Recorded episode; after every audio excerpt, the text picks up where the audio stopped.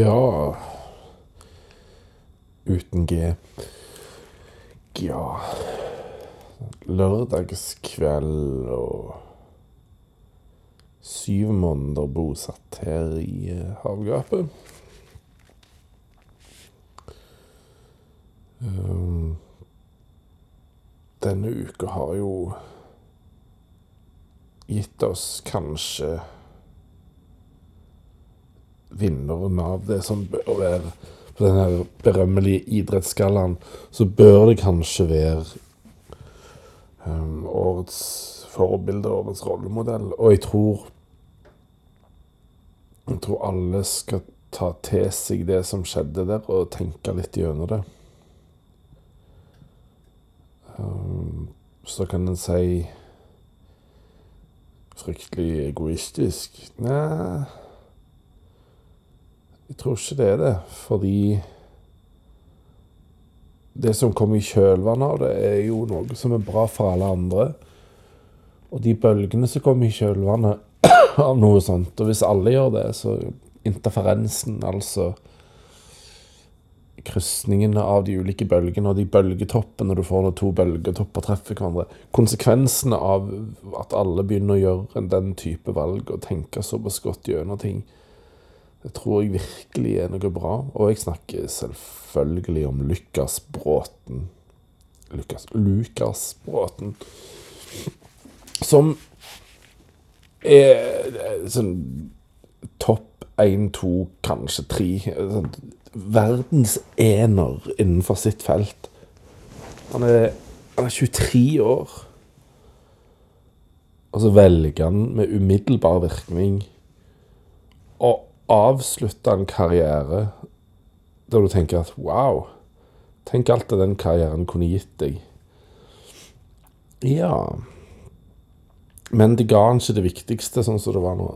Han mangla det viktigste, og det som var hele kjernen til at han har holdt på med det. Det var ikke gøy lenger. Det var ikke, det var ikke kjekt. Som er vel et, egentlig et feil ord å bruke. Om det for kjekk brukes eller egentlig opprinnelig som den norske varianten av handsome. Og eh, slalåm var ikke handsome lenger. ok. Men det, det, var, det, var, ikke gøy. Det var ikke trivsel lenger.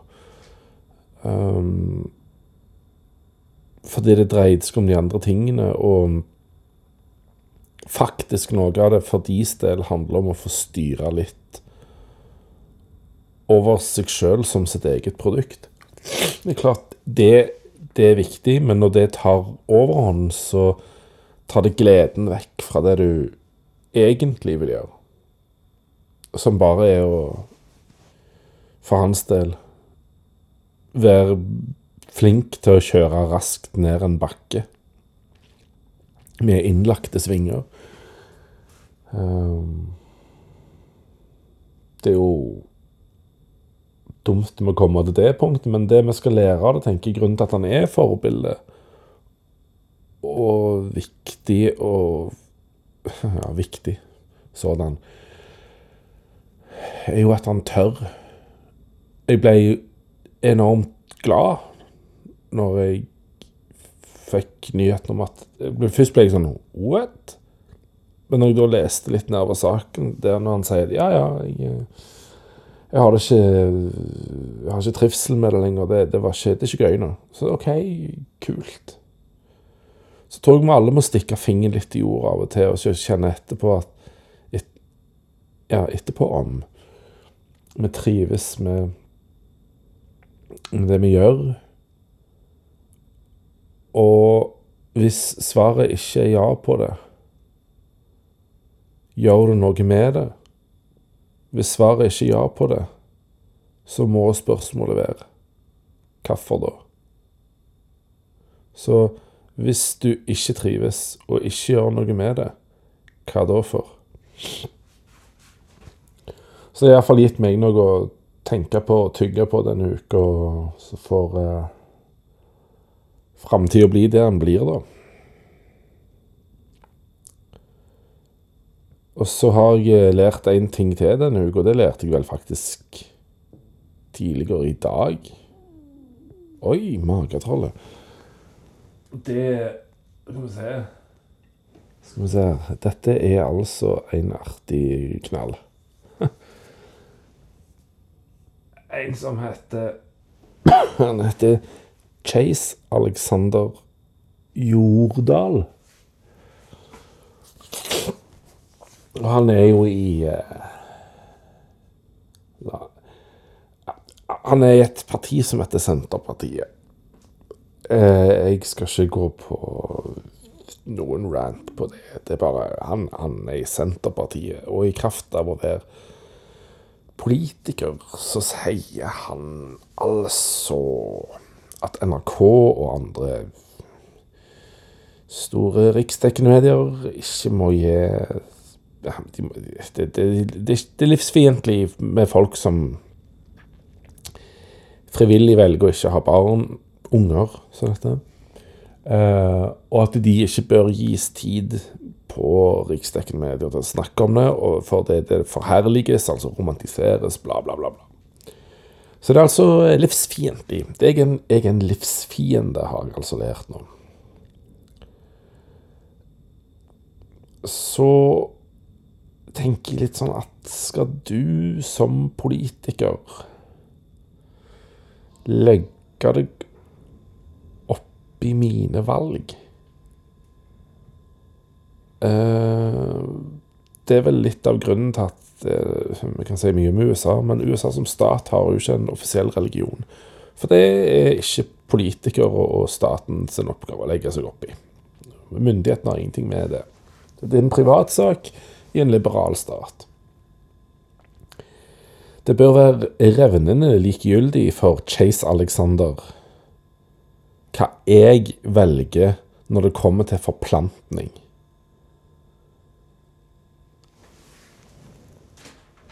Ja, skal vi se. Um, han ber media droppe saker om frivillig barnløse. Han mener at et sånt valg er unaturlig og livsfiendtlig. Og at eh, de som velger det altså, Og at dette her er ekstremt farlig i et eh, samfunnsperspektiv.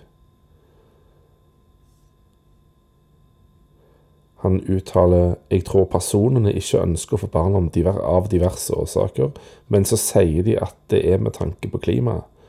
Handlinga en gjør, kommer kanskje av at en ikke har lyst, ikke gidder, eller hva det måtte være. Så tenker jeg da. Hva de årsakene er, og om de sier det er klima, eller om det er klima, det er revnende likegyldig. Det har Chase Alexander ingenting med. Um,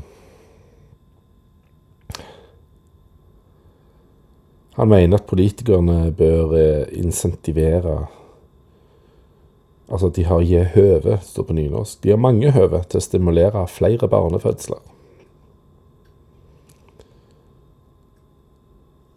Og um, det at media forteller historier om de som velger å la være å få barn, kan normalisere noe som egentlig ikke er bra for samfunnet.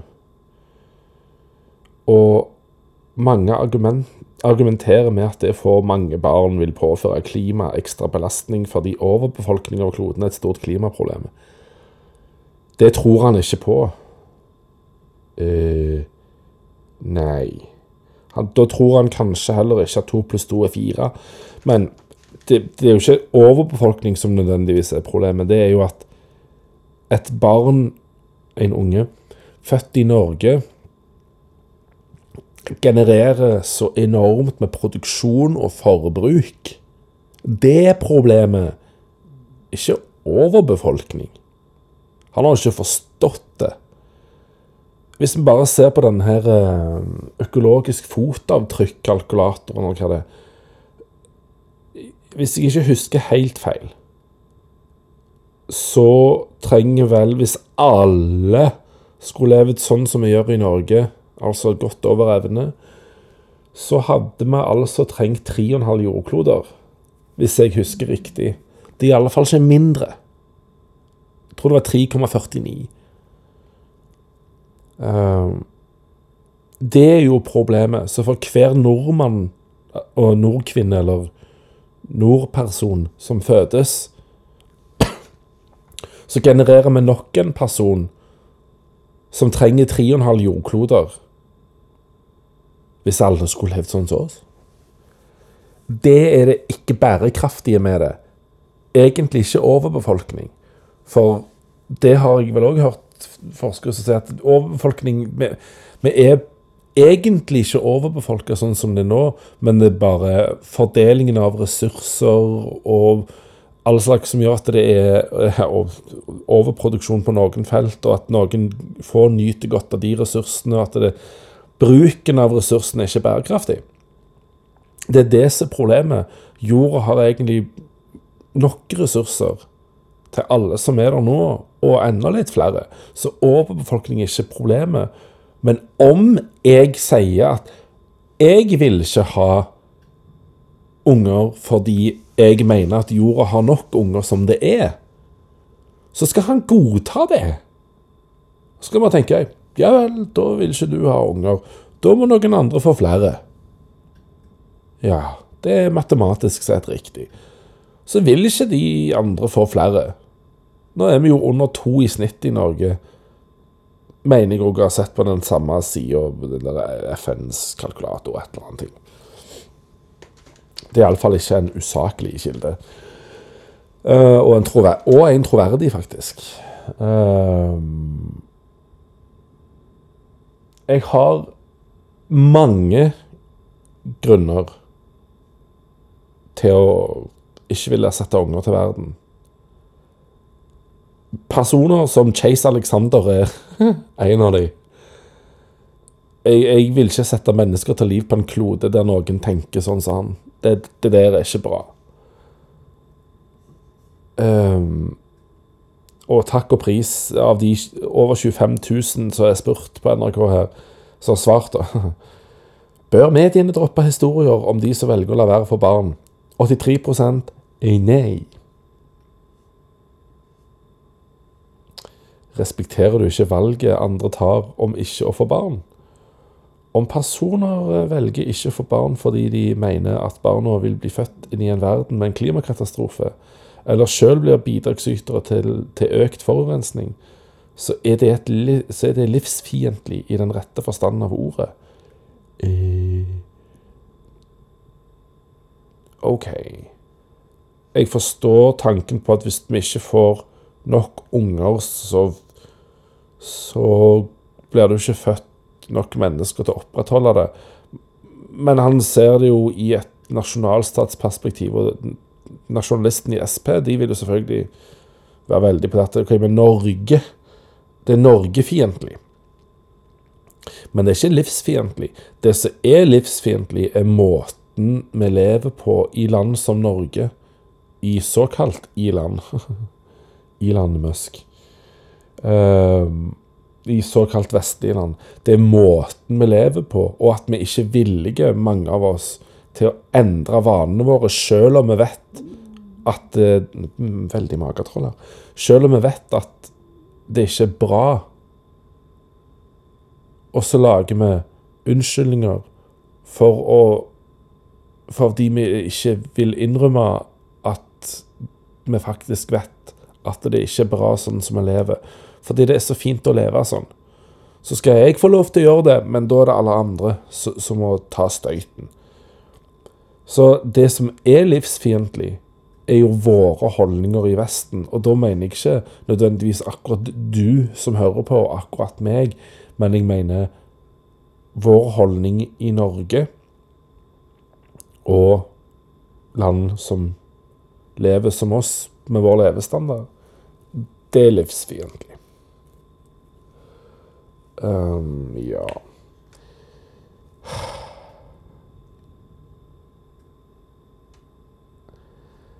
Hun ene her som har uh, valgt å stå fram som frivillig barnløs, hun sier hun vurderer å sterilisere seg for klimaet. Hva jeg eller Chase Alexander mener om det, er revnende likegyldig. Jeg skal ikke uttale meg om det men det gjør hun sjøl. Hun sier bare at For min del kjennes det feil å sette et menneske til verden i en verden der vi ikke viser tydelig respekt for at noen kommer etter oss.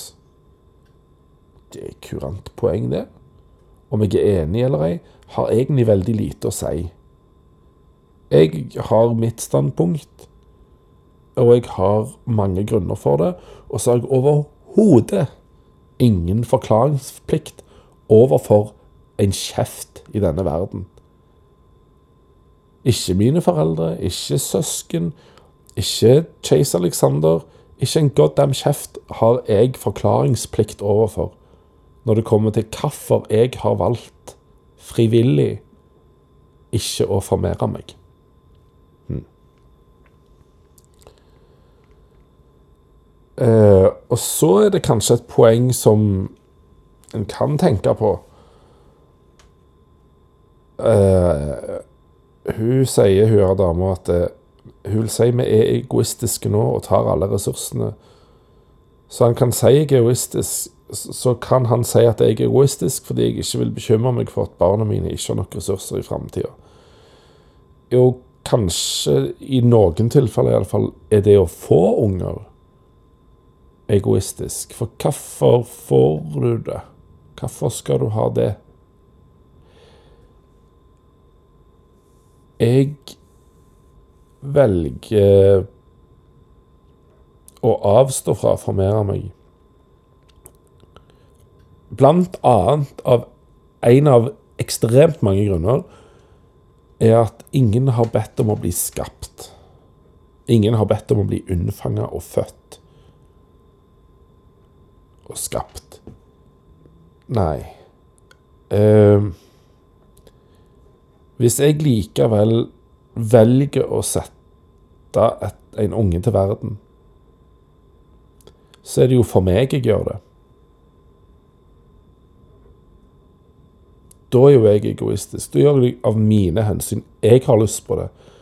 Eller jeg trenger det for at jeg skal føle meg som en suksess i livet. Eller jeg gjør det fordi jeg opplever at det er forventa av meg. Sånn at jeg skal oppnå, eller krysse av på de målene som jeg tror at andre har til meg krav til meg. Men da er det jo et egoistisk hensyn. Men det er en kjensgjerning at det mest klimafiendtlige vi kan gjøre i Vesten, er å få unger. Men det er jo ikke bærekraftig på et befolkningsperspektiv, i et befolkningsperspektiv, fordi det gjør jo at Hvis vi fortsetter sånn som dette i 100 år og føder 1,5 barn, eller OK, 1,5 unger Eller under to unger, da. Eller hva er det som er bærekraftig 2,2, 2,3? Hvis vi føder under så mange unger i året, så reproduseres ikke befolkningen iallfall til å opprettholdes på øh, samme tall som det er nå. Den vil faktisk òg synke. OK, så i det perspektivet så, så er det jo ikke lurt å, å velge å være barnløs. Ni Ser den? Og da kan du si da er du egoistisk når du velger ikke å få barn, da. Unger. Um, fordi du gjør noe drit mot samfunnet. Ja, men samfunnet er òg grunnen til en, igjen, en av ekstremt mange grunner til at jeg ikke vil det. For det er så jævlig mye drit i dette samfunnet som jeg ikke ønsker å tvinge minst én unge til å bli født inn i. En unge som ikke har valgt å bli skapt. Så jeg, jeg OK, Chase Alexander får mene at jeg er en livsfiende, da. Men da får han begynne å gjøre noe med holdningen sin og den politikken han vil forsvare, sånn at jeg kan komme på bedre tanker, da. Det er jo en del ting til som skal til for at jeg skal ha muligheten til å formere meg. Det må jo være noen å formere seg med. Og der har jo verden for så vidt gitt et ganske tydelig signal. Nei, det var ikke en bitterhet, et en fnugg av bitterhet i akkurat det. Det var mer bare litt humor. Som en som har vært enslig hele livet, så forstår jeg jo hva verden sier. At ja, ja, det vi, vi velger noen andre. Ja vel, det er greit. Jeg, jeg har andre ting jeg skal gjøre i livet da. Så fint, det. Men jeg syns at eh, kanskje Chase Alexander skal begynne å støtte opp under en politikk som kanskje gjør noe med klimautfordringer og tar den på alvor. Så er det jo Det, det vi vet at nytte, er jo ikke kildesortering. Det, har, det er bare symbolsk. Men det som nytter, er at eh, du egentlig bare slutter å fly utenfor Europa, eller den verdensdelen du bor i. Ikke fly utenfor den verdensdelen du bor i. Transkontinentalt, heter det vel. Ikke gjør det. Spis betydelig mindre kjøtt. Følg FHI, eller hvem det er, Helsedirektoratet sine råd. Lurt. Da spiser du bærekraftig både på personlig nivå og på eh, et globalt nivå. Mm, lurt. Og ikke kom det der jævla kortreist matargumentet. For da skal du spise, når du bor i Stavanger, da skal du spise tomat fra Rennesøy. Som for så vidt ligger i Stavanger. Kjempekort reist til din egen kommune. Ja ja, bare at det, det er mer klimavennlig å kjøpe tomater i Spania, frakte de med båt til Norge.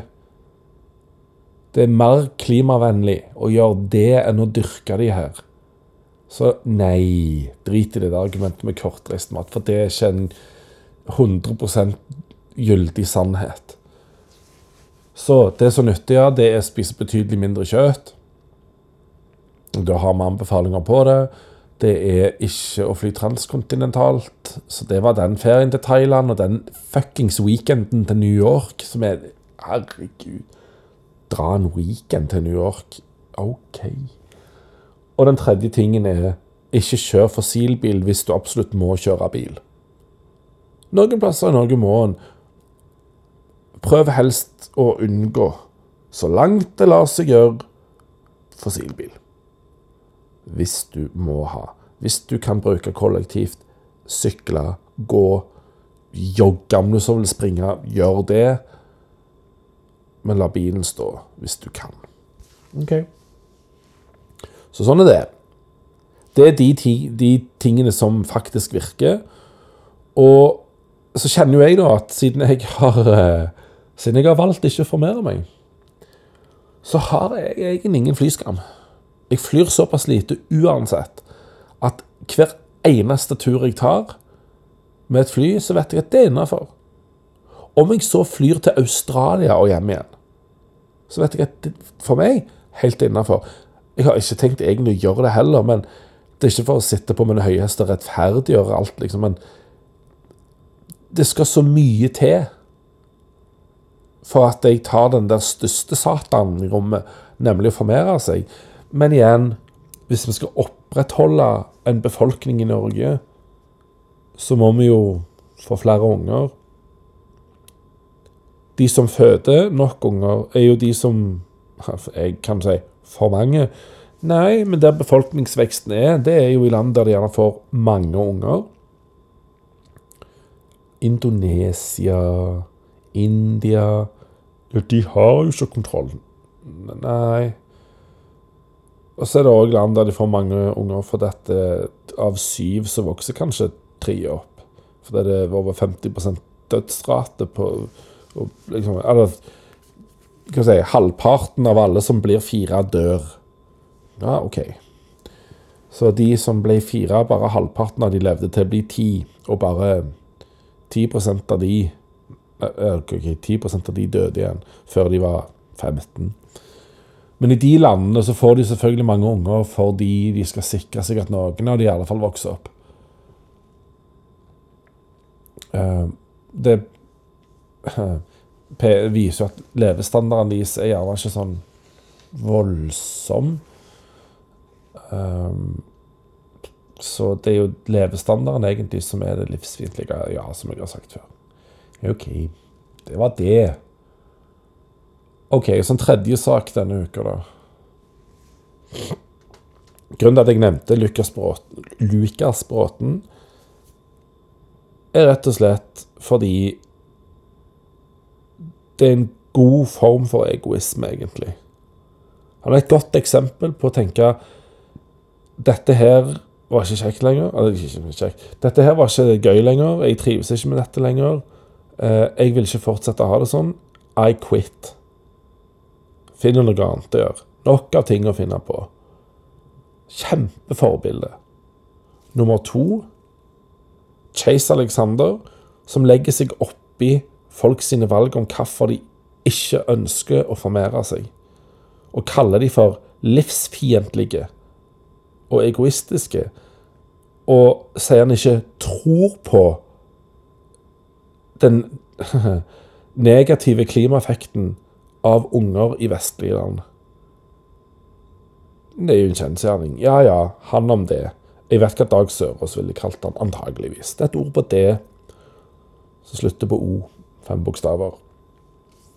Nummer tre jeg vil trekke fram, syns jeg er litt interessant. Fordi Jeg husker ikke hva hun heter, men det var ei sånn influenserdame som at jeg, hun er ikke sånn kjempeinteressert i politikk. Så, hun har mange følgere, det selvfølgelig. Det er mange hun influerer og har makt over. Men hun sa at hun vil ikke, uh, hun vil ikke uttale seg om, og egentlig ikke i det hele tatt om, om hva hun tenker om Israel-Palestina. Og det syns jeg egentlig er mye bedre enn å ta et bastant standpunkt. Men så er det at noen avkrever et svar og setter det er figen. Det er faen ikke godt nok. At hun som influenser med så mange eh, undersåtter som hun styrer, ikke tar et standpunkt, og da først og fremst i favør av Palestina. Og så forstår jeg jo. Fordi ingen har rett Jeg synes det er en litt sånn rar ting å si. Snu heller på det. Du har ingen plikt til å ha en mening om ting. Og du har ingen forklaringsplikt, sånn som jeg sa med Chase Alexander og andre òg. Jeg har ingen forklaringsplikt overfor andre når det kommer til mitt valg om ikke å få unger. Hun har ikke en forklaringsplikt overfor noen når hun velger ikke å uttale seg om Israel-Palestina-konflikten. Hvis hun velger ikke å uttale seg, så velger hun det. Det er greit. Så kan du i ditt stille sinn tenke hva pokker du vil om det. Du har lov til å dømme henne på samme hva retning du vil. Men da må du være klar over at du setter deg sjøl òg altså, i, i, en posisjon der du blir dømt av andre. Så får vi sånn seriedømming, metadømming og alt det der, liksom. Ja. Nei, for min del skal hun få helt lov til å si hun ikke vil iallfall uttale et standpunkt. Kan godt være hun har tatt et, men hun vil ikke si det. Kan jeg jævlig godt forstå når jeg hører hvordan tonen er i ulike debatter. Uh, fordi om jeg trakk meg ut av politikken, så betyr ikke det at jeg ikke har meninger lenger om politikken. Jeg har definitivt det, men jeg bare gidder ikke å flagge de så sterkt. Sånn, fordi jeg har ingen jævla forklaringsplikt. Den viser jeg gjennom stemmeseddelen. Så bruker jeg den da, og så Hvis det viser seg at de jeg stemte på, ikke levde opp til det de sa, nei vel, så får ikke de stemmen igjen. Jeg har ingen forklaringsplikt overfor en kjeft. Og det, jeg er litt sånn Når jeg sier sånn Du har ingen rett til å kreve en forklaring av meg. Jo, kanskje du har det. Du skal få lov til å spørre, men du må akseptere at du får et svar du gjerne ikke ønsker å få, og som du gjerne ikke liker at det du får. Som eksempelvis Ja vel, hva mener du i Israel-Palestina-konflikten? Det har jeg ikke så lyst til å si så mye om. Hæ? Hva da for? Fordi jeg ikke har lyst til å si så mye om det. Ja, men hva da for? Fordi fuck off. Derfor. Fordi jeg har ingen jævla forklaringsplikt. Du har lov til å spørre. Jeg har ingen plikt til å svare. Spesielt ikke det du ønsker jeg skal svare. Men jeg kan gi et svar på det og si min sympati ligger hos de uskyldige partene på begge sider, og de som har det jævligst av de uskyldige partene i denne konflikten, er uten tvil de uskyldige menneskene på Gazastripa. Eller i, i Gaza, da. Som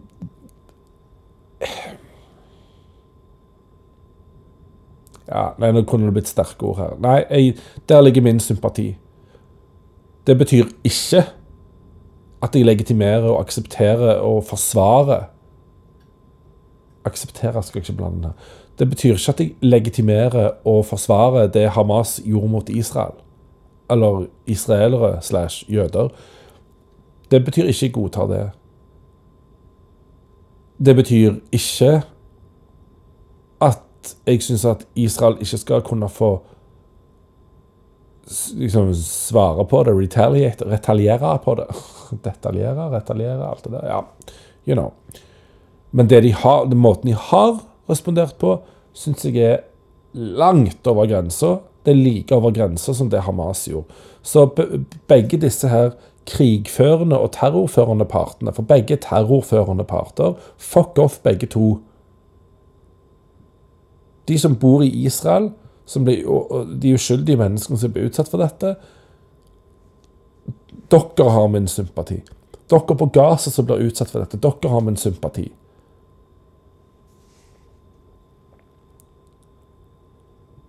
Så ja, det, det er der jeg står.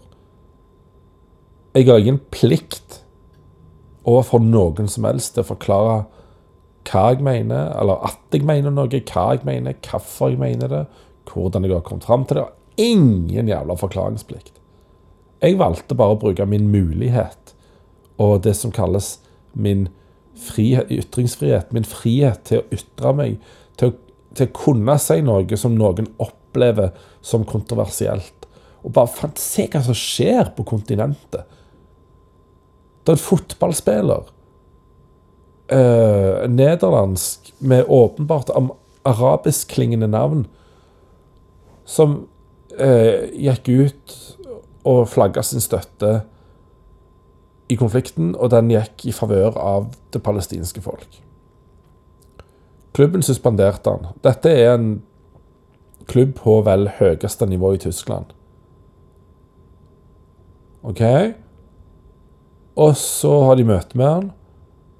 Han liksom kommer tilbake for komme litt tilbake igjen. Men så sier han han står ved det han sa. Der terminerte de kontrakten hans. I Frankrike har vel folk blitt arrestert for å vifte med palestinske flagg. Hva faen er det som skjer? Da begynner vi mer å snakke om ting jeg syns tenderer mer mot livsfiendtlig, enn at jeg ikke ønsker å sette unger inn til en verden som er sånn som dette. Satan, så mye forkvakla holdninger dere er. Så eh, hvis du bare ser på verden akkurat nå, så tenker jeg at du er ganske sprø. Hvis du tenker her skal jeg sette inn et nytt liv som ikke har valgt å bli skapt. Det har ikke valgt å bli født inn i en sånn en verden. Så ser du rundt deg på hvor mange idioter det er. For sorry, altså. Verden er fuckings full av idioter. Bare se rundt oss i Norge. Åh. Nei Åh, man. Jeg mener det er egoistisk hvis du velger å sette unger til verden sånn som det er nå. For da er det bare deg sjøl du tenker på. At du trenger å tvinge dette livet til å eksistere. Ærlig fuckings talt. Det var godt å få sette ord på det på en lørdagskveld. Etter å ha sett Stjernekamp folkelige som jeg er. ble litt sånn småsulta av å se på det, for dette det, det er litt rørende å, å se sånne programmer. Jeg vet at det er det de gjerne vil ha litt fram òg. Klart en vil ha fram det, for det er emosjonelle reaksjoner og skape emosjonelle bånd til program. Da blir du ja Da blir du lojal, lojal mot det. Så jeg kommer jo til å fortsette å se på det, fordi at det, det skaper reaksjoner i meg som jeg setter pris på at jeg kan ha, og jeg er litt emosjonelt bundet til det. Jeg syns det er fint. Jeg liker sånne program. Og det, det, er fint å se folk som står på scenen og synger og går ut av sitt gode skinn og prøver på noe de egentlig ikke er så gode på, men de tør å prøve. og så Spesielt spennende med de som tar til seg veldig mye råd og veiledning. Merke at det blir bedre og bedre. Det bør jo noen som jobber med menneskeutvikling sette pris på, uansett hvem det er som, som gjør det. Uansett hvem som er endringsvillige og tenker ja, mm, interessant, la meg prøve det. Så skal jeg se hva jeg kan ta med av rådet ditt, for det, du sier jo ikke dette av vond vilje, så la meg prøve. Ja, nei, jo, ja, nei, så det. Ellers, da? Nei, vi får se. Jeg krysser fingrene for endringer og for store endringer. Så får vi se. Jeg tror at eh, den godeste Instagram-kontoen iallfall står for fall i løpet av 2023. Den overlever nok ikke den her eh, Den gjengse nyttårsaften. Altså den som er den 31.12. Vi får se, vi får se. DEFG. Ha et fint liv, ei fin hofte og en fin midje. Vi snakkes. Tudeli bang.